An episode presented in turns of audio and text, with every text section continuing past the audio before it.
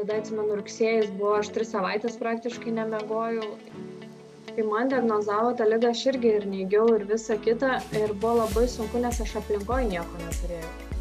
65 procentai fizinio aktyvumo prisideda prie depresijos sveikimo. Pasakyti, kad aš pykstu, pasakyti, kad kam man susimoviau, aš išmoksiu tai darydamas vėl ir vėl. O kodėl, Jonė, tau neišpildys kažkieno svajonės, kad niekam nekiltų jokių abejonių? ir aš atsimenu, parašau tą sakinį ir galvoju, reikia kažkokios veiklos kitokios man. Ir noriu savanoriauti pradėti ir išpildyti kažkieno svajonę. Šiandien įrašinėjame naują podcast'o epizodą kartu su JAS brendo įkūrėja Jonė. Tai Kaip tu šiandien iš tiesų laikais? Ačiū, žinok, iš tikrųjų tai tokia biški pavargus, nes visa na, savaitė buvo tokia turbo, skandalinga ir labai tokia užimta. Tai šiandien mano yra sekmadienis iš tikrųjų. Vakar, kadangi labai daug dirbau ir darėm projektą, filmavom, e, be to palaikėm darupą visą mūsų iniciatyvą Eurovizijos progą. Tai tokia, žinok, nusikalus, bet e, pasikroviau šiek tiek jėgų, išėjau dar į lauką prieš mūsų susitikimą, va tą virtualų. Tai dabar jau, jau gerai. Tai svarbiausia. Tai a, šiandien kalbėsime ir paliesime tokias tris temas. Tai būtų psichologinė sveikata, depresija bei svajonės. Pradėsiu gal nuo tokio visai paprasto klausimo. Ką tau šiandien, Jonė, reiškia laimė? Uh, iš tikrųjų, tai jeigu va taip flashbackinti atgal prieš kokius gerus, nežinau, net keturis, penkis metus, tai man laimė visada susidarydavo iš tokių big achievementų, didelių darbų, didelių svajonių, karjeros aukštumų. Uh, bet šiandien man laimė yra visiškai maži dalykai. Netgi tą progą, žinok, įsidėjau, žiūriu, kad dabar net uždėjau, kad mokusi mažų žingsnelių meno, vad būtent iš jas kolekcijas Tai e, iš tikrųjų man laimė yra dabar tiesiog rytinis vat kavos padelis šiandien išgertas, ar ten vat saulė už lango, draugų kompanija, e, nebe taip svarbu tie aukšti pasiekimai, ar ten kaip mokykloje, žinai, būdavo, vat gauni dešimt, tai jau užskaityta. Tai vat tiesiog maži dalykai ir, ir, ir viskas step by step ir vat šeima, draugai, vat man tai yra laimė šiandien. Puiku.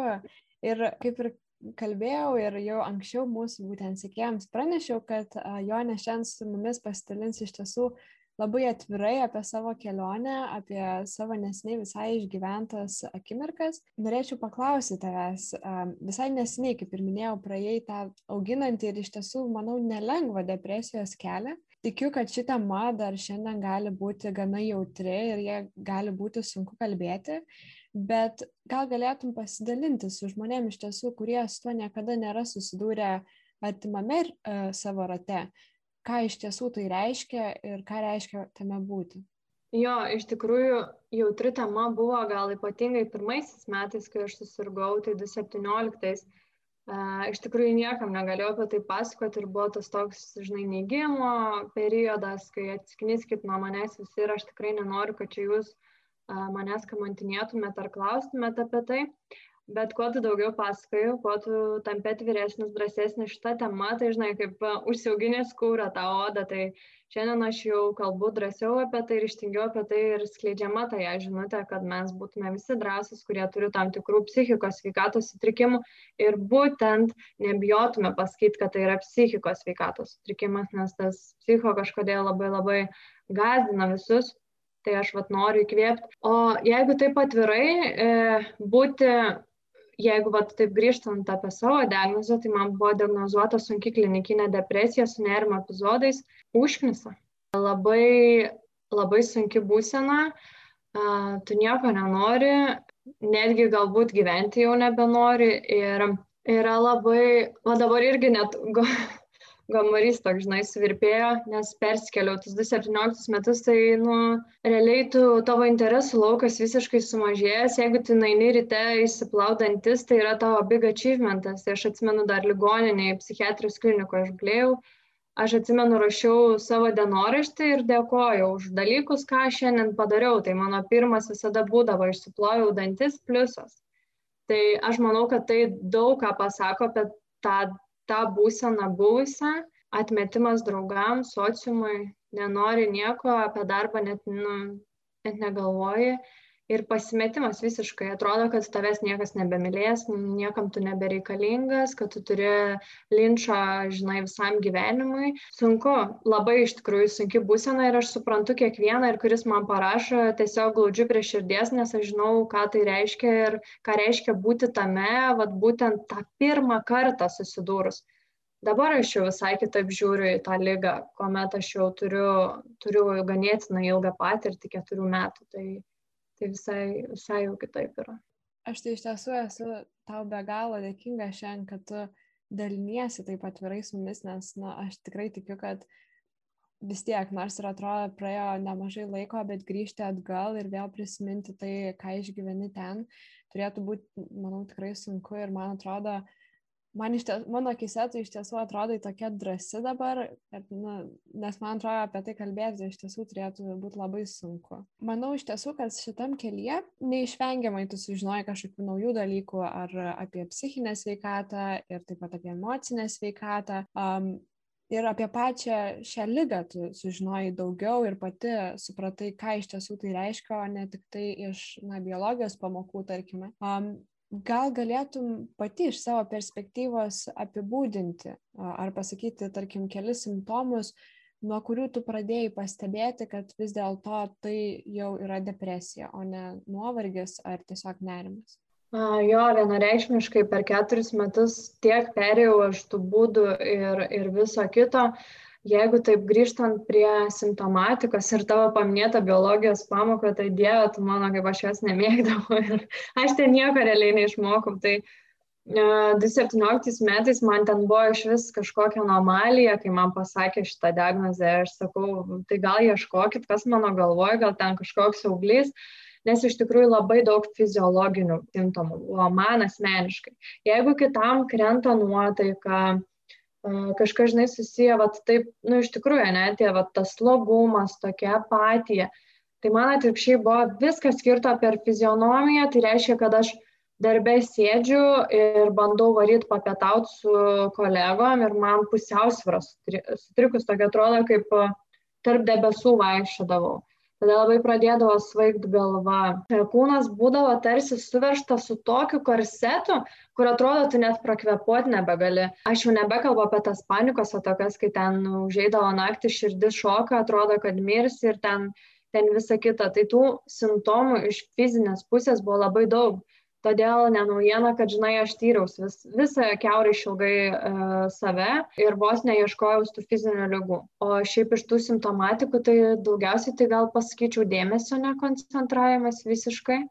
Jeigu aš ten darbę atlikdavau, tarkim, užduotis reikalaudavo 3 valandų, tai man virsdavo 8 valandas, nuo to augdavo labai didelis stresas, kad nebesusitvarkau su darbais.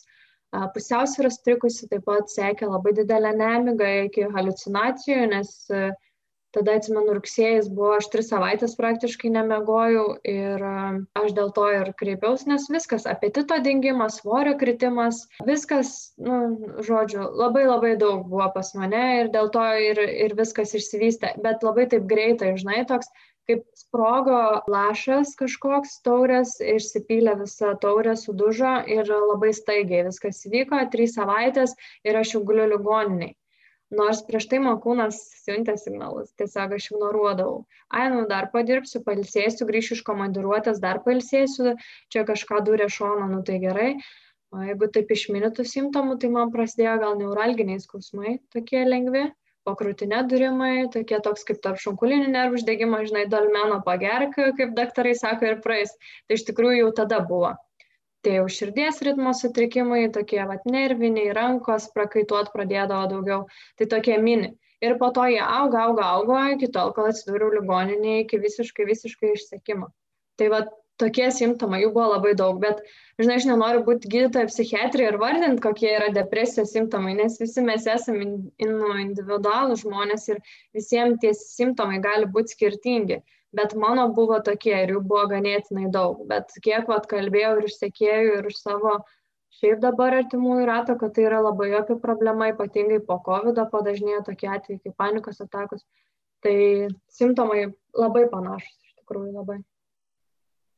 Man atrodo, tu labai teisingai pasakai, kad kūnas siunčia tuos signalus. Tik tai, kad mes dažnai jų nepastebim. Ir iš tiesų, jeigu tau kūnas sako, kad, nu, aš nebegaliu daugiau dirbti, man reikia poilsio, tai mes ir turėtume sustoti ir pailsėti šiek tiek, bet aš iš tiesų net nežinau, kodėl pas daugumą žmonių yra tas, kad, na, nu, pailsėsiu vėliau kad dabar reikia dirbti, dirbti, dirbti, daug dirbti, o reikia tą poilsį užsitarnauti. Tai man atrodo, kad čia labai teisingai pasakai, kad mes turim klausyti iš tiesų savo kūno, nes dažnai tiesiog pamirštame jį. Taip, vienareikšmiškai, žinok, ar nesta tu teisi, nes va, varyti, žinai, kaip arkliai, vat, atarsim ir jau penktadienį palsėsim. Tai, nu, aš manau, kad neturi būti, žinai, per, nuo pirmadienio iki penktadienio, o šeštadienį, sekmadienį, ypatingai su depresija, yra labai labai griežta disciplina ir miego režimas turi būti, žinai, septynias dienas per savaitę. E, aš dabar biški savo leidžiu jau iškrypti iš tos disciplinos tik dabar, o prieš tai nu niekaip nes aš jeigu tik iškrypdavau man nemiga iškart žinai visus ritmas visas o dėl tų darbų nu taip jaunatiškas maksimalizmas gi pradžiai žinai bent jau aš kaip save atsimenu tai ir ir mokyklai dešimtukai ir univere turi labai gerai baigti raudonų diplomų, nes neduok tu dievė, žinai, ten kažkas praščiau bus. Tada jau karjera, tai aukštumas, aukščiausias pareigas ir visada kažkokie tie dideli siekiai ir iš tikrųjų nežinau dauguma vat mūsų jaunimo tos kartos nu kažkokie vat tie lūkesčiai iškelti nenormalūs. Ir tas spaudimas iš aplinkos gal nu daug susideda faktorių bet e, po tokių sukrėtimų, žinau, greitai nusileidžia tie visi maksimalizmai, nes tiesiog kūnas pats nebegali nieko ir tu net nebegali darbo įžeidti. Tai jeigu tau, žinai, dantis išsiplauti reikia beliekiek pastangų, tai ką jau kalbėti apie kažkokias karjeros aukštumas. Taip, tikrai. O iš tiesų, dar grįžtant būtent prie simptomų ir bendrai kalbant apie tą lygą, ar teko tau pačiai susidurti su kažkuo, kas iš tiesų buvo na, labai tolima nuo to, ką anksčiau pati girdėdavai apie šią lygą. Gal kažkokie, na, kaip sakyčiau, mitai, kuriuos dabar galėtum tikrai paneigti. Kaip, nežinau, um, čia sakau visai pavyzdį, pati nesu kadangi su tuo susidūrus, tai sakau tiesiog pavyzdį, kad, tarkim, sklaido nuomonė, kad depresiją atpažinti yra iš tiesų sudėtinga. Gal, pavyzdžiui, tu susidūrėjai su tokia situacija, kad iš tiesų atpažinti ją lengva. Tai kokius tokius mitus galėtum dabar sugriauti apie šią lygą? Iš tikrųjų, tų mitų uh, yra gana daug ir tų visuomenės stigmų yra labai daug. Uh, jeigu ko aš nepatyrus anksčiau, tai iš vis realiai man buvo sudėtinga, nes kai man diagnozavo tą lygą, aš irgi ir neigiau ir visa kita ir buvo labai sunku, nes aš aplinkoje nieko neturėjau. Tai kaip sakai, aš nesu patyrus savo kailių, aš aplinkoje neturėjau ko paklausti iš artimųjų, draugų, šeimos narių. Uh, e, nežinojau, ką tai reiškia, kas iš vis kokie simptomai, ar čia man tikrai, ar netikrai. Labai sunku buvo, o tie mitai, nu ką, depresija, tinginių lyga, ten eik pakas griovius, jo nepadirb fizinį darbą, kam tau tas protinis, baigtų čia skaičiuoti, analizuoti savo finansus, eik į fabriką, padirbsi prie kažkokių krabų 12 valandų, aš nenoriu čia nieko tikrai žaisti, kas fizinį darbą, bet aš turiu menį, ką man sakydavo aplinkiniai kad vat prie kolūkių, ten žodžiu, žmonės dirba fizinį darbą, tokių lygų nebuvo chebra, dar ir kaip buvo, tiesiog niekas jų neidentifikavo mediciniškai ir ta prasme, ar apie tai nekalbėjo, arba galų gale net nesuprato, kas tai yra.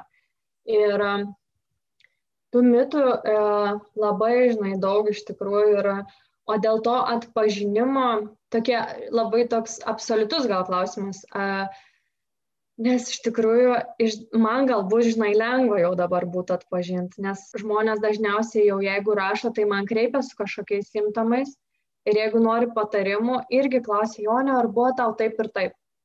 E, tai aš galiu, žinai, per savo prizmę. E, bet jeigu vat, pasakytų, Jonė, ar tu prieš keturis metus, ar tu galėt pažinti depresijos lygą, vat, būtent kai nesusidūrus, tai sunku, nes e, lygiai taip pat e, mano aplinka Jonė serga depresija, gi pilna energijos, projektai, veiklos, tūsai, vakarėliai, gerai mokos, kas jie yra gyvenime, visko turi, mama, tėti, berną, ko jai daugiau reikia, kokia čia dar depresija.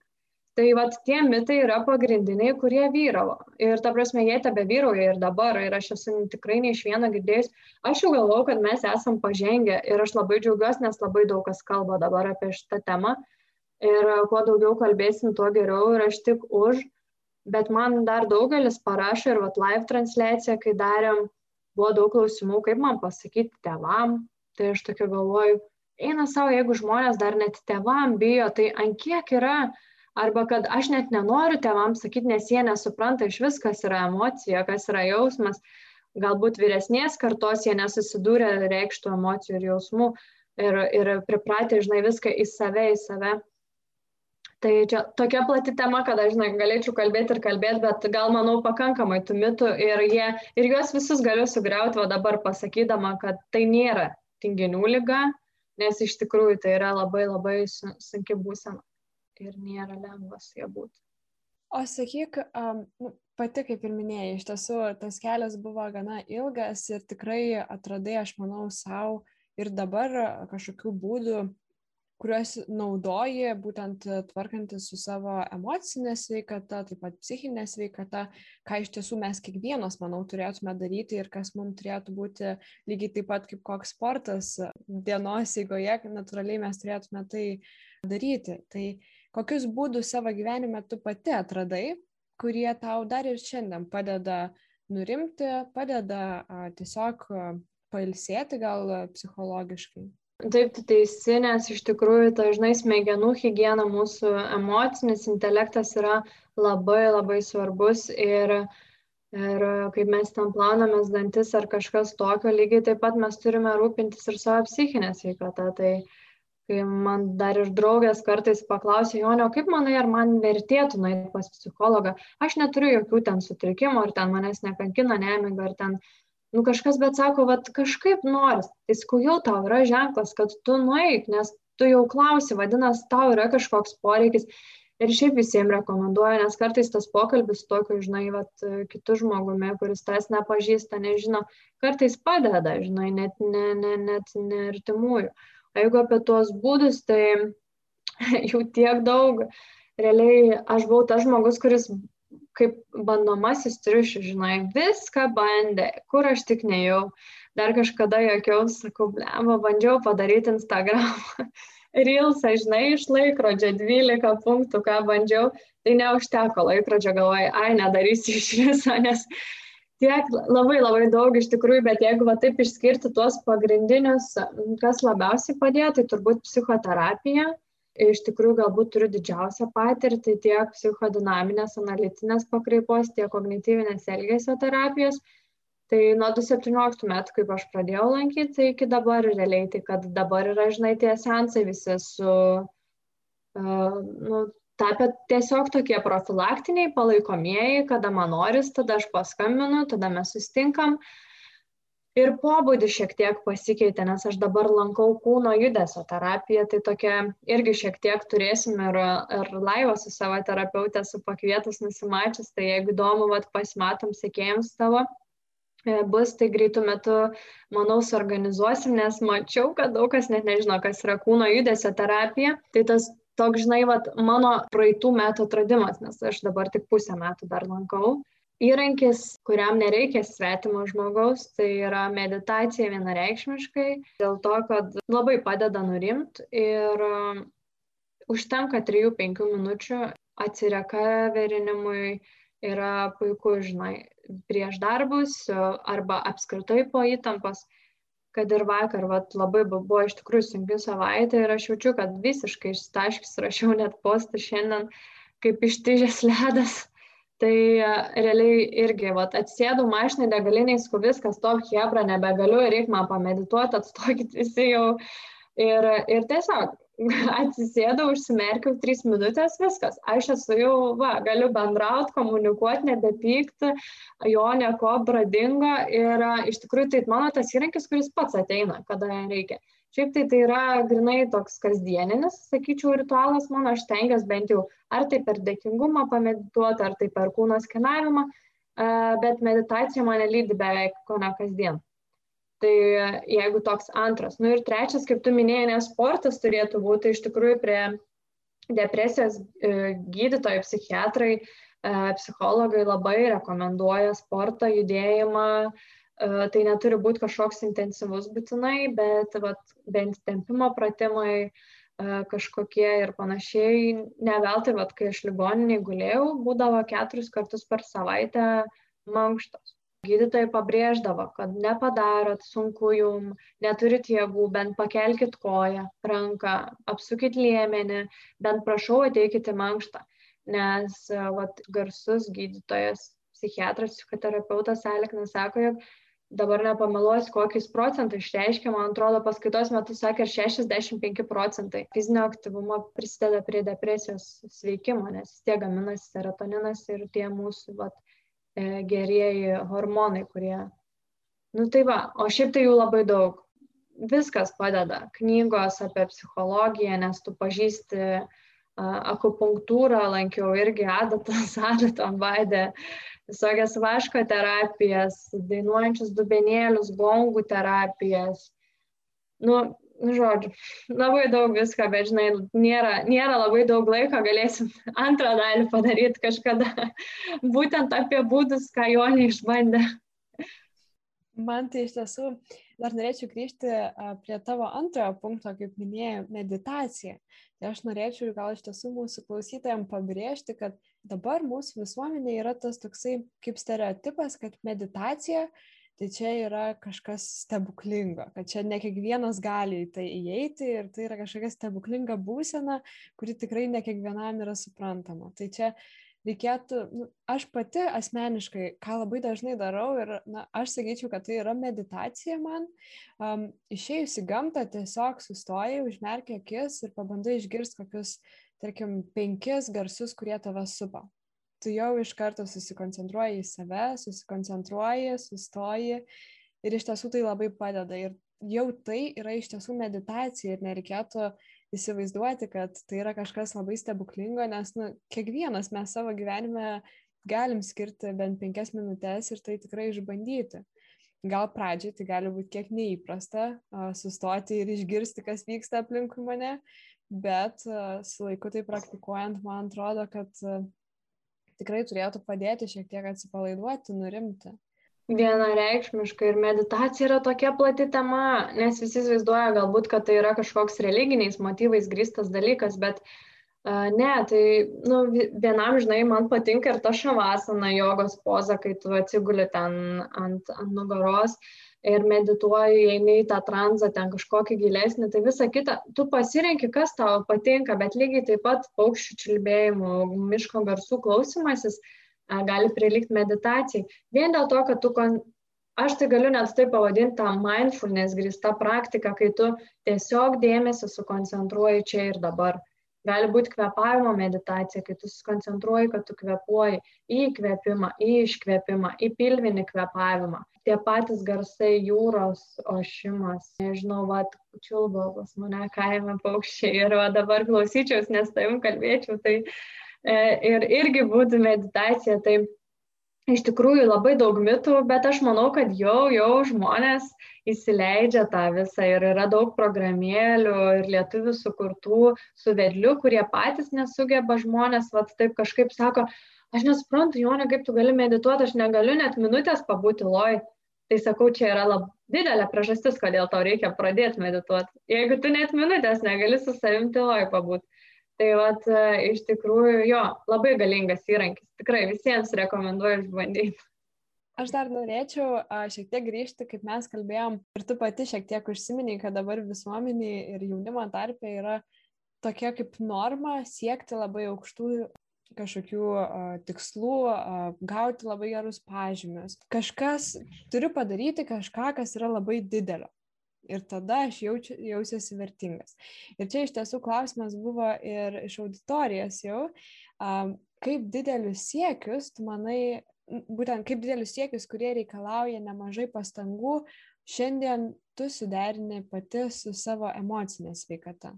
Žinok, derinu kiekvieną, nežinau, kas čia sekėjas klausia, bet e, kreipiuosi į jį, tai žinok, derinu kiekvieną dieną ir vis dar nesiderinu iki galo, nes šiandien irgi įsitikinau, kad uh, jeigu galvoju, kad esu balansė ir harmonijoje, tai, Tai visiškai ne. Ir, ir man tų iššūkių yra tikrai, tai nenusimink, jeigu ir tau ne, nepasiseka, e, nesu, žinai, aš kažkokią balanso harmonijos gurų ir toli gražu nebūsiu dar. Esam kiekvienas žmogus, aš manau, kad jau jeigu tu atpažįsti, kad pas tave yra labai dideli siekiai ir jeigu tu jau savo įsivardini, tai yra jau pirmas žingsnis juos mažinti. Tai aš jau suprantu, aš tuomet nesupratau, aš važiavau ir važiavau į viršų. Ir man taurasme, tol, kol aš nenukritau, aš nenusipratau ir aš turbūt būčiau dar varius ir kaip sako daktaras Jonė, tu po ten 30 metų gal būtum nuo tų aukštumų ant tiek kritus, kad būtum iš vis nebeatsikėlus, nes nu tiesiog labai yra gerai kad žmonės jau klausia tokių klausimų vadinasi jiems rūpi. O tas suderinimas nu tai ką vienintelis prie didelių siekių ir tikslų tai yra paklaust kiekvieną dieną ko aš šiandien noriu. Nes kartais mes atrodo kad vat viską ką suplanavom taip ir turi būt. Ne. Bent jau iš savo patirties sakau, kad e, mes galim išmokti pasakyti ne, mes galim išmokti atsisakyti kažkokio plano vardant savo geresnės emocinės veikatos, nes tai yra labai svarbu. Man karjerai labai kenkia nu, kertinis įstikinimas toks, kad jeigu aš pasakysiu kažkam ne, jeigu aš atsisakysiu kažkokio darbo vardant didesnio siekio, vardant didesnio atlyginimo, vardant geresnio projekto, vardant geresnio įvertinimo, aš nebebūsiu tokia gera bet man prireikė dviejų metų psichoterapijos, kad aš pagaliau išmokčiau pasakyti ne. Ne, mane šitas projektas nedomina. E, ne, aš nenoriu šitos klausimus atsakinėti, nes mane tai skaudina. E, ne, šito darbo nenoriu, nes mm, iš manęs tai reikalaus didelio streso ir pastangų. Tai aš manau, kad vat, tas žmogus, kuris klausia, yra labai jau pažengęs, nes aš tokia nebuvau pažengus ačiū už klausimą. Tiesiog reikia pripažinti pačiam, kad, kad tai yra natūralu siekti didelių tikslų ir čia, jeigu išeinam iš balanso, irgi nėra kažkas, nu viskas jau dabar, jau dabar susirksiu. Nes man tai būdavo, jeigu aš jau jaučiu, kad man jau stogas važiuoja, kažkas jau žiūri, nebeužmiego, jo ne viskas, jau depresijos atkriti šakis. Nu, ir tada pasikalbė su savim. Ne, tiesiog tu aфиgenai variai visą savaitę pavargai, save identifikuoji, atpažįsti kūno signalus. Tai va tas vienintelis susijimas, kad nenukryp nuo emocinės, tai klausytis kūno, ką jisai sako. O jisai labai daug ką sako, tiesiog reikia įsiklausyti. Taip, aš negaliu iš tiesų daugiau pritarti. Dar norėčiau šiek tiek grįžti būtent uh, prie depresijos temos ir būtent paklausti ne tiek, nu, gal ir tavo asmeninės kiek patirties, bet būtent apie aplinkinius, kurie supa būtent tą žmogų, kuris šią lygą serga. Tai a, pati tu gal ką pat išgyvenai ir kaip tau norėsi, ką, ką darytų aplinkiniai, ar kaip tik padėtų tau, ar norėsi, kad tiesiog išlauktų jie ir niekas nesikištų į, į šį, šios išgyvenimus tavo. Ir gal ir dabar, kaip kaip norė, tiesiog pasakyk du skirtumus, kaip buvo tada, ką pati jautėjai ir ką šiandien pasakytum žmogui, jeigu jisai žino, kad jo draugas artimasis serga ir ką tu patartų jam, jam daryti. Šitas klausimas tai labai geras, nes man iki, iki dabar dar gaunu žinučių iš sekėjų, kad bijo draugams sakyti artimiesiam ir panašiai, ir tai ir labai apie... Ir šiaip šitas klausimas toks kaip vaikščiojimas ant lyno, žinai, nes nėra to tokio nu ant tiek yra sudėtinga, nes žmogus sergantis depresija, jeigu aš iš savęs dabar kalbu, tai man buvo visiškai atmetimas žmonių. Aš nenorėjau nieko matyti, tai skaitant ir geriausias draugės ir šeimą. Aš nenorėjau, kad lystų, kad man skambintų tėvai. Aš pasakiau daktaram, kad manęs tėvai nelankytų. Priėmiau lankytojus kelias, kelias, kelias draugės, kurios gyvena netoliese ir sesė. Tiesiog, kad maisto atneštų man buvo labai labai didelis atmetimas artimai aplinkai. Bet toks vat klausimas, ką jie turi daryti, nėra vieno atsakymo. Ir antiek yra sudėtinga, aš įsivaizduoju, kad sudėtinga yra sergančiam, bet aš pilnai suprantu, kiek yra sudėtinga artimam žmogui, nes aš pati mačiau savo seses, pati mačiau uh, savo tėtį, mamą ir uh, aš mačiau, kaip jiems skauda bet lygiai taip pat matydama, kaip jiems skauda, man skaudėjo dar daugiau, žiūrint į jų pasimetimą. Kad jie nežino, kaip elgtis, jie nežino, kaip reaguoti, jie nežino, kaip prieiti, bet to pačiu ir aš pykstu ant jų, kad nežino ir neprieina, bet to pačiu ir nenoriu. Tai vad, vadinasi, tok ir atsakymo nėra, kas yra gerai, nes kai tas žmogus tokioje klinikiniai depresijoje ir sunkioj tai būsenai apatiškoj, aš manau, kad svarbiausias faktorius, ką turi daryti artimieji, tai neužgrūsto perteklinių dėmesį, tokiu dirbtinu Junytė, ką tau atneš, ką tau paduoti, ką tau padaryti, ta, ta, ta, ta, va taip, va.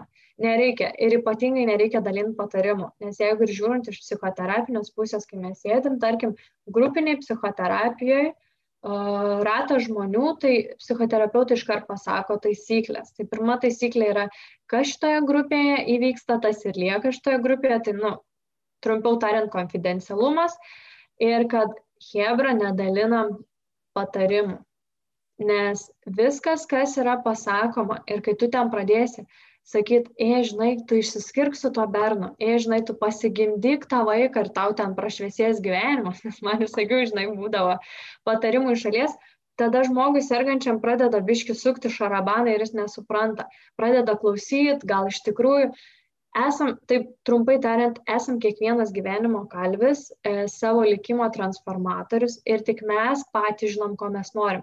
Tik tą akimirką, kai mes sergam, tiesiog nerandam atsakymą. Ir esam viduje sumišę. Tai kai mus dar maišo aplinka, yra belia kaip sudėtinga. Tai čia jeigu kalbant iš mano patirties.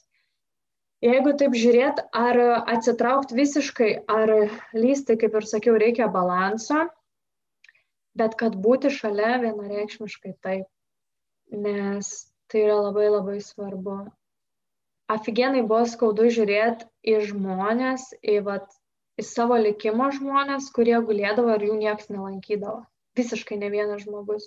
Arba net neždavo maisto, mes ten stengdavomės dalintis ir panašiai, mes labai gražią tą terpę tarpusavį, nes visi turbūt įsivaizduoja, kad ten psichiatrijos klinika, tai ten visi išprotėja arba nežinau, kokios tos stigmos dar vyksta, bet ten mes visi kaip šeima, kaip bendruomenė ir visi su skirtingom diagnozėm ir šizofrenikų, ir su nerimo, ir su panika, depresija, nu labai labai daug ir visi skirtingi, bet savotiškai gražus ir, ir su savo istorijom, su savo nuopoliais, praradimais, pasiekimais. Ir labai svarbu, ir matai, kad nu, tu suteiksi tą kažkokią laimę vienkartinę, bet jis neturi žmogaus artimo, e, kuris po to išėjus tavim bus, kuris nuveš iki vaistinės nusipirktų pačių medikamentų, jeigu ten jiem būtina arba ten nuveš, tarkim, į pirmą psichoterapijos sensą su palaikymu.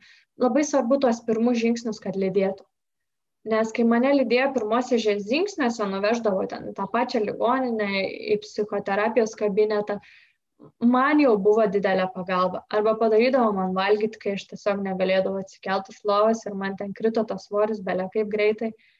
Labai labai labai svarbu yra būti šalia. Tik vad sakau, tas balansas irgi labai svarbus, kad neperdėtai, neįkirėtai. Tai toks slidus reikalas, manau, reikia jaustis ir emocinis raštingumas, dar kartą emocinis raštingumas pats žmogus neturi laukti, kol atsitiks šitą nelaimę. Tiesiog reikia šviestis jau iš anksto, klausytis istorijų, podcastų, knygų, psichologinių ar kokio nors kitokio turinio, kuris yra kažkiek tai artimas, nes nu, dabar tai yra vos ne kas antro žmogaus problema, psichologinė problema. Aš pati iš tiesų dabar klausau tavęs ir aš tokiuose dideliuose apmąstymuose esu, aš, na, atvirai taip sakant, aš pirmą kartą um, esu pokalbėje, kur yra kalbama šią temą. Aš, žinoma, kiek esu girdėjęs, girdėjusi ir dabar kiek matau, kad socialiniai medijai yra apie tai kalbama, viešai kiek kalbama apie tai, bet va tai va artimai um, niekada nebuvau susidūrusi ir aš, man iš tiesų labai daug kas nauja yra ir aš tikrai esu be galo dėkinga tau, kad tu šiandien daliniesi su mumis tuo, nes aš tikiu, kad ne aš viena klausanti esu, kuris sužino tikrai daugiau apie tai. Ir e, aš dabar iš tiesų suprantu, kokia tai yra svarbi tema ir kaip apie tai reikia garsiai kalbėti mūsų visuomeniai. Ir čia dar um, aš pati iš tiesų būtent tavo um, paskyroje žiūrėjau du laivus, kur tu irgi kalbė, kalbė apie depresiją ir daliniesi šią patirtimį savo. Tai aš iš tiesų mūsų klausytojams labai nuoširdžiai um, patarčiau, parekomenduočiau pasižiūrėti irgi Jonės Instagram paskyroje, tiesiog IGTV du laivus, kur jinai taip pat kalba apie šią temą dar plačiau, dar artimiau apie tai, nes video tikrai labai informatyvus ir suteikia labai daug informacijos. Na ir kaip aš tave šiandien pristačiau, tai žinoma esi ir uh, jas brendo kurieja, tai aš manau daugam uh, kirba irgi nemažai klausimų apie tai, kasgi ten vyksta, kaipgi kas, uh, iš kur tai atsirado. Tai uh, šiek tiek norėčiau apie tai pasikalbėti. Tai um, iš kur iš viso atsirado šita idėja, kodėl, uh, kodėl toks pavadinimas, kodėl tokia idėja ir bendrai papasakok, kaip būtent tai atsirado tavo galvoje. Tai turbūt nenustepsit, kad tai irgi projektas psichologinė tema ir jau sakau, geriausi projektai gimsta iš savęs, iš savo patirties, per istoriją, per gyvenimą. Tai kai aš jau išsikapščiau iš to jau sunkiojo periodo labai labai, uh, susidūriau su daug stigmų mm, tiek darbdavių, tiek įmonėse, tiek aplinkiniuose, kad, vat, nu, kaip ir kalbėjom apie mitus, tai ir, ir dar labai labai labai didelę svajonę turėjau visada. Tai galėjau, aš atsimenu, uh, ligoninė ir jau ten ėjo tas, nes ligoninė dažniausiai kaip paguldo, tai nu, būna ilgas gydimas psichologinių lygų, psichikos sveikatos sutrikimų, tai uh, realiai man jau ėjo gal vienas mėnuo jau buvo praėjęs, kai aš buvau ligoninėje. Tai jau buvo tas pats galas, nes aš pusantro mėnesio guliau, tai jau buvo pats galas ir aš labai daug rašydavau. Rašydavau dienoraštį, nes man labai padėdavo mintim susigulėti. Aš pačioje pradžioje nemokėdavau psichologui, savo daktarui ištransliuoti žodžiu, tai aš stengdavausi rašyti ir tada arba duot paskaityti, nunešti arba tiesiog pačiai, žinai, va, tiesiog dienoraštis ir buvo labai keista, nes jeigu ten, tarkim, aš tokioj ten, nežinau, vaikystėje rašydavau dienoraštį, žinai, apie kas ten man mokykloje nutiko, tai aš čia stengdavausi rašyti apie jausmus. Tai mano pirma pamoka realiai buvo to emocinio raštingumo, tai nuo dienoraščio rašymo. Ir aš atsimenu, rašau, rašau, rašau. Ir toks sakinys, o kodėl Jonė tau neišpildžius kažkieno svajonės, kad niekam nekiltų jokių abejonių. ir aš atsimenu, parašau tą sakinį ir galvoju, reikia kažkokios veiklos kitokios man. Ir galvoju, noriu savanoriauti pradėti ir išpildyti kažkieno svajonę. Tai dėl to tas jas junginys ir rajonė, abejonė, svajonė ir trijų, trijų raidžių, vad, grinai tas junginys. E, ir vat tas Jonė vardas, nu kažkaip tiesiog taip gimė toj ligoninė ir aš atsimenu, išėjau iš tos ligoninės ir iškart įsirašiau Maltos ordino tarnybą ir tapau maltiečių savanorė, tai mes ten padarėm ne vieną projektą, labai džiaugiausi ir tikrai išpildėm ne vieną senelio svajonę. Ir po to kažkaip galvoju, o kodėl šitą vat, kažkaip tą trumpinį panaudoti kažkur dar kitur. Uh, ir pradėjau kurti tinklaraštį. 19 metais, man atrodo, mano buvo pirmas straipsnis kovo 1 išėjo galbūt e, jonėjas.com tinklaraštį. Tai buvo tiesiog blogas mano nuotraukas ir straipsniai tą temą. Tai aš rašiau ir apie gyvenimą psichiatrijos klinikoje, ir kas yra per tą diagnozę, depresiją. Nu, žodžiu, dalinausi tiesiog savo patirtim. Ir e, ganėtinai didelis pasiekimumas buvo to tinklaraščio. Uh, tada dėja dėl itin didelio darbų krūvio e, teko šiek tiek primažinti viską ir aš kažkaip nuslapinau tą. Ir 2020 metais man kažkaip vėl idėjos iš, iš oro kilo ir tada perėjau jau prie drabužių kūrimo ir tos psichologinės žinutės ištransliavimo jau per rūbą, e, per vat, šitą komunikaciją. Tai va taip ir kilo tas brandas ir tas e, pavadinimas jas. O man iš tiesų labai įdomu, kodėl pasirinkai būtent šią žinutę skleisti per drabužius, per drabužių brandą. Jo, tai kaip ir minėjau, iš tikrųjų pati pradžia buvo ta tokia labiau skleidimas iš lūpų į lūpas, dalinimasis istorija, straipsniai, e, motivavimas, palaikymas, po to atsirado asmeninės žinutės ir kažkaip iš tikrųjų tai po to aš norėjau susijęti tą tematiką ir su savo hobiu. Aš jau nuo vaikystės buvau tokia mėgdavau derinti rūbus, stilingai rengtis. Aš atsimenu, pirmam kursą atvažiavau Vilnių, turėjau ten kažkokią mini veiklą su rūbais, ten bendradarbiavau ir visada sekė tie rūbai. Tai galbūt ir dėl to, kad, kad žinai, ta savirealizacija, kad man patinka ir ta psichologijos tema ir noriu pamotivuoti ir tuo pačiu man labai buvo, o nu, vat, ta tokia problema, aš žinai, tokia kartais visuomenininkė, turiu išspręsti kažkokią problemą. Žinau, kad per tą rūbą aš neišspręsiu tos problemos, bet aš žinau, kad aš kažkokią iškleisiu žinutę, kuri gali paliesti. Tai vat, aš dėl to nenorėjau tiesiog paprasto rūbo, kuris būtų be nieko. Tai dėl to ir sugalvojau, kad tai būtų ir žinutė, kuri naikina stigmas. Tai reiškia, kad uh, nebūtinai tai turi dėvėti tą rūbą žmogus, kuris turi psichologinio ar psichikos sveikatos sutrikimų. Ne, aš noriu, kad tai vilkėtų toks drasus žmogus, kuris nebijo uh, pripažinti, atpažinti savo jausmų, pasakyti, kad aš pykstu, pasakyti, kad kamon susimoviau, aš išmoksiu tai darydamas vėl ir vėl, bet stengdamasis ir darydamas step by step, nedideliais achievementais, dėl to iš tas yra mokusi mažų žingsnelių meno. Tada kitas yra, aš suprantu tave žmogau, dėl to, kad vat, būtent palaikytų tą žmogų, kuris turėjo tam tikrų psichologinių problemų, uh, iš abejonės į svajonę, nu, tai čia labai toks jau, žinai, irgi galima iš visų pusių, žinok, buvo visokių istorijų, kurie pirko šitą džemperį ar ten marškinėlius. Labai įdomu. Ir toks berniukas, kuris įstojo po, po vat, bandymų su didelė intencija, dideliu noru užsidegimu į, menų, į Čiurlionio menų mokyklą ir, Ir vat mama kaip tik nesinai parašė, sako, jo, dieve, tu neįsivaizduoji, kaip jis gerai varo.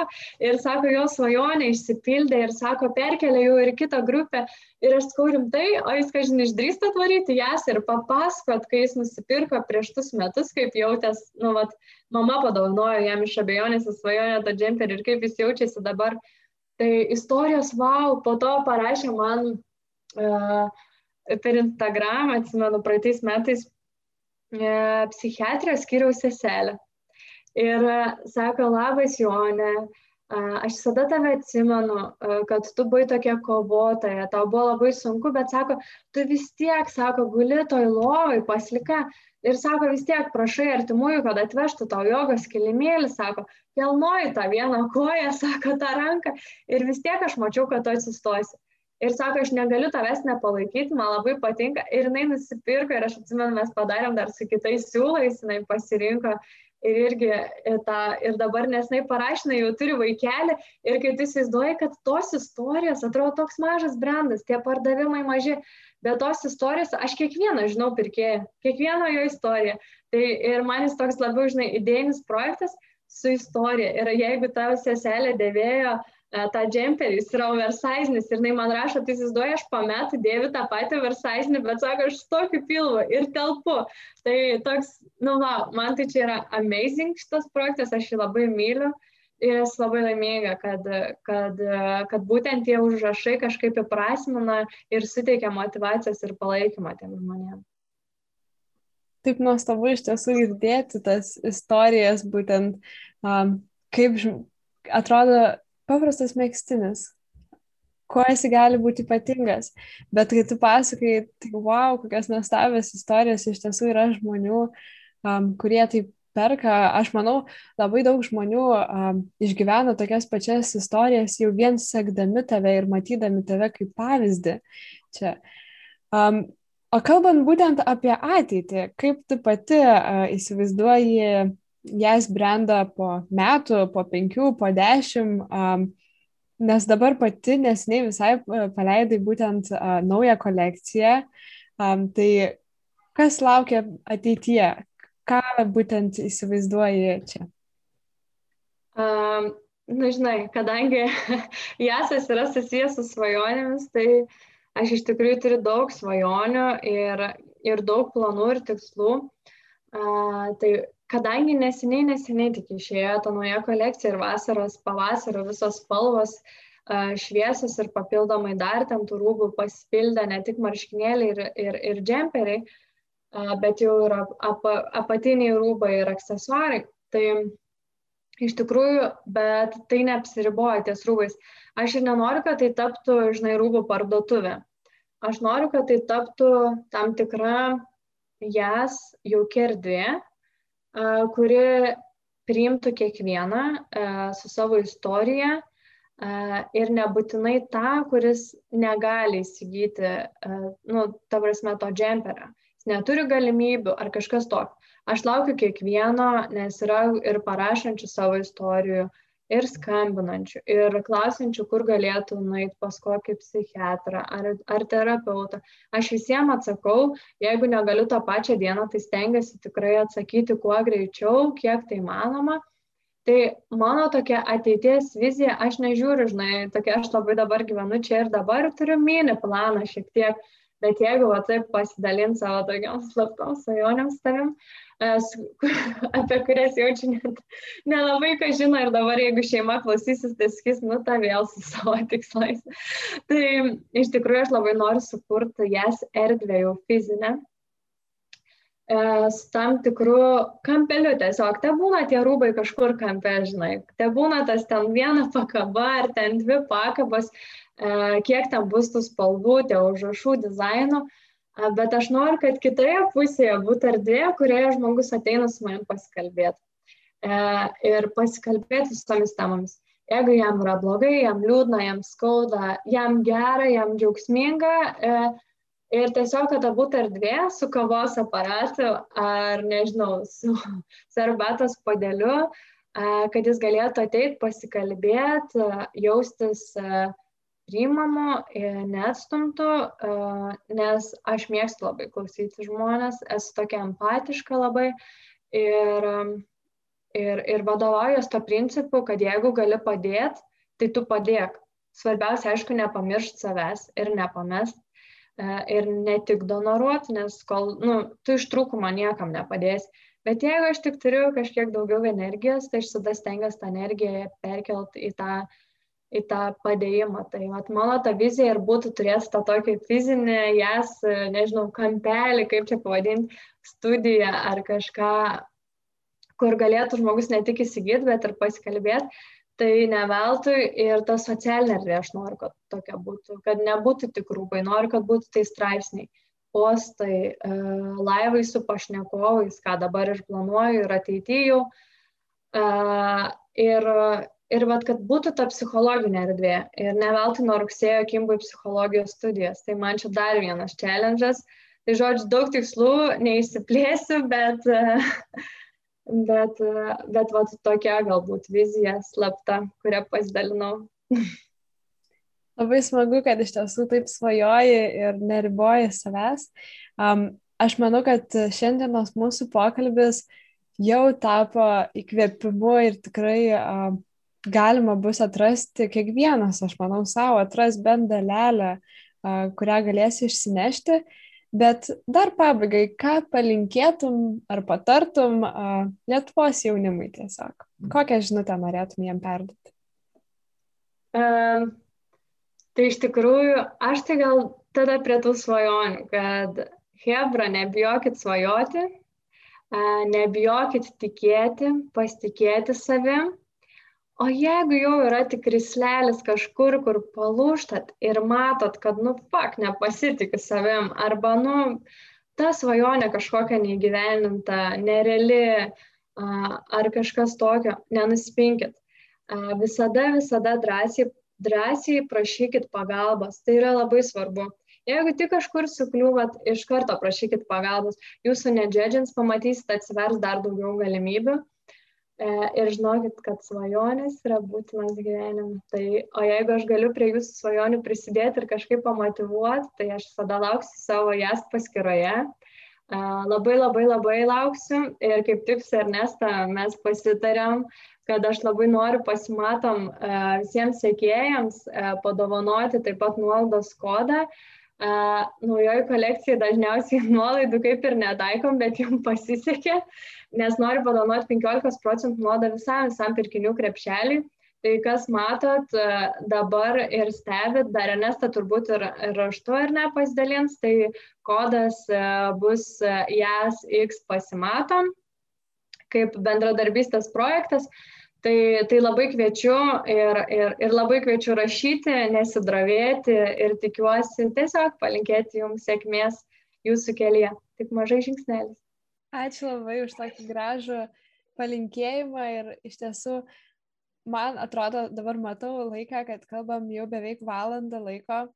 Man iš tiesų taip greitai prabėgo šitas pokalbis ir um, dabar prisimenu, kad aš jo nei pirmą kartą turbūt parašiau gal prieš kokius gerus 3-4 mėnesius.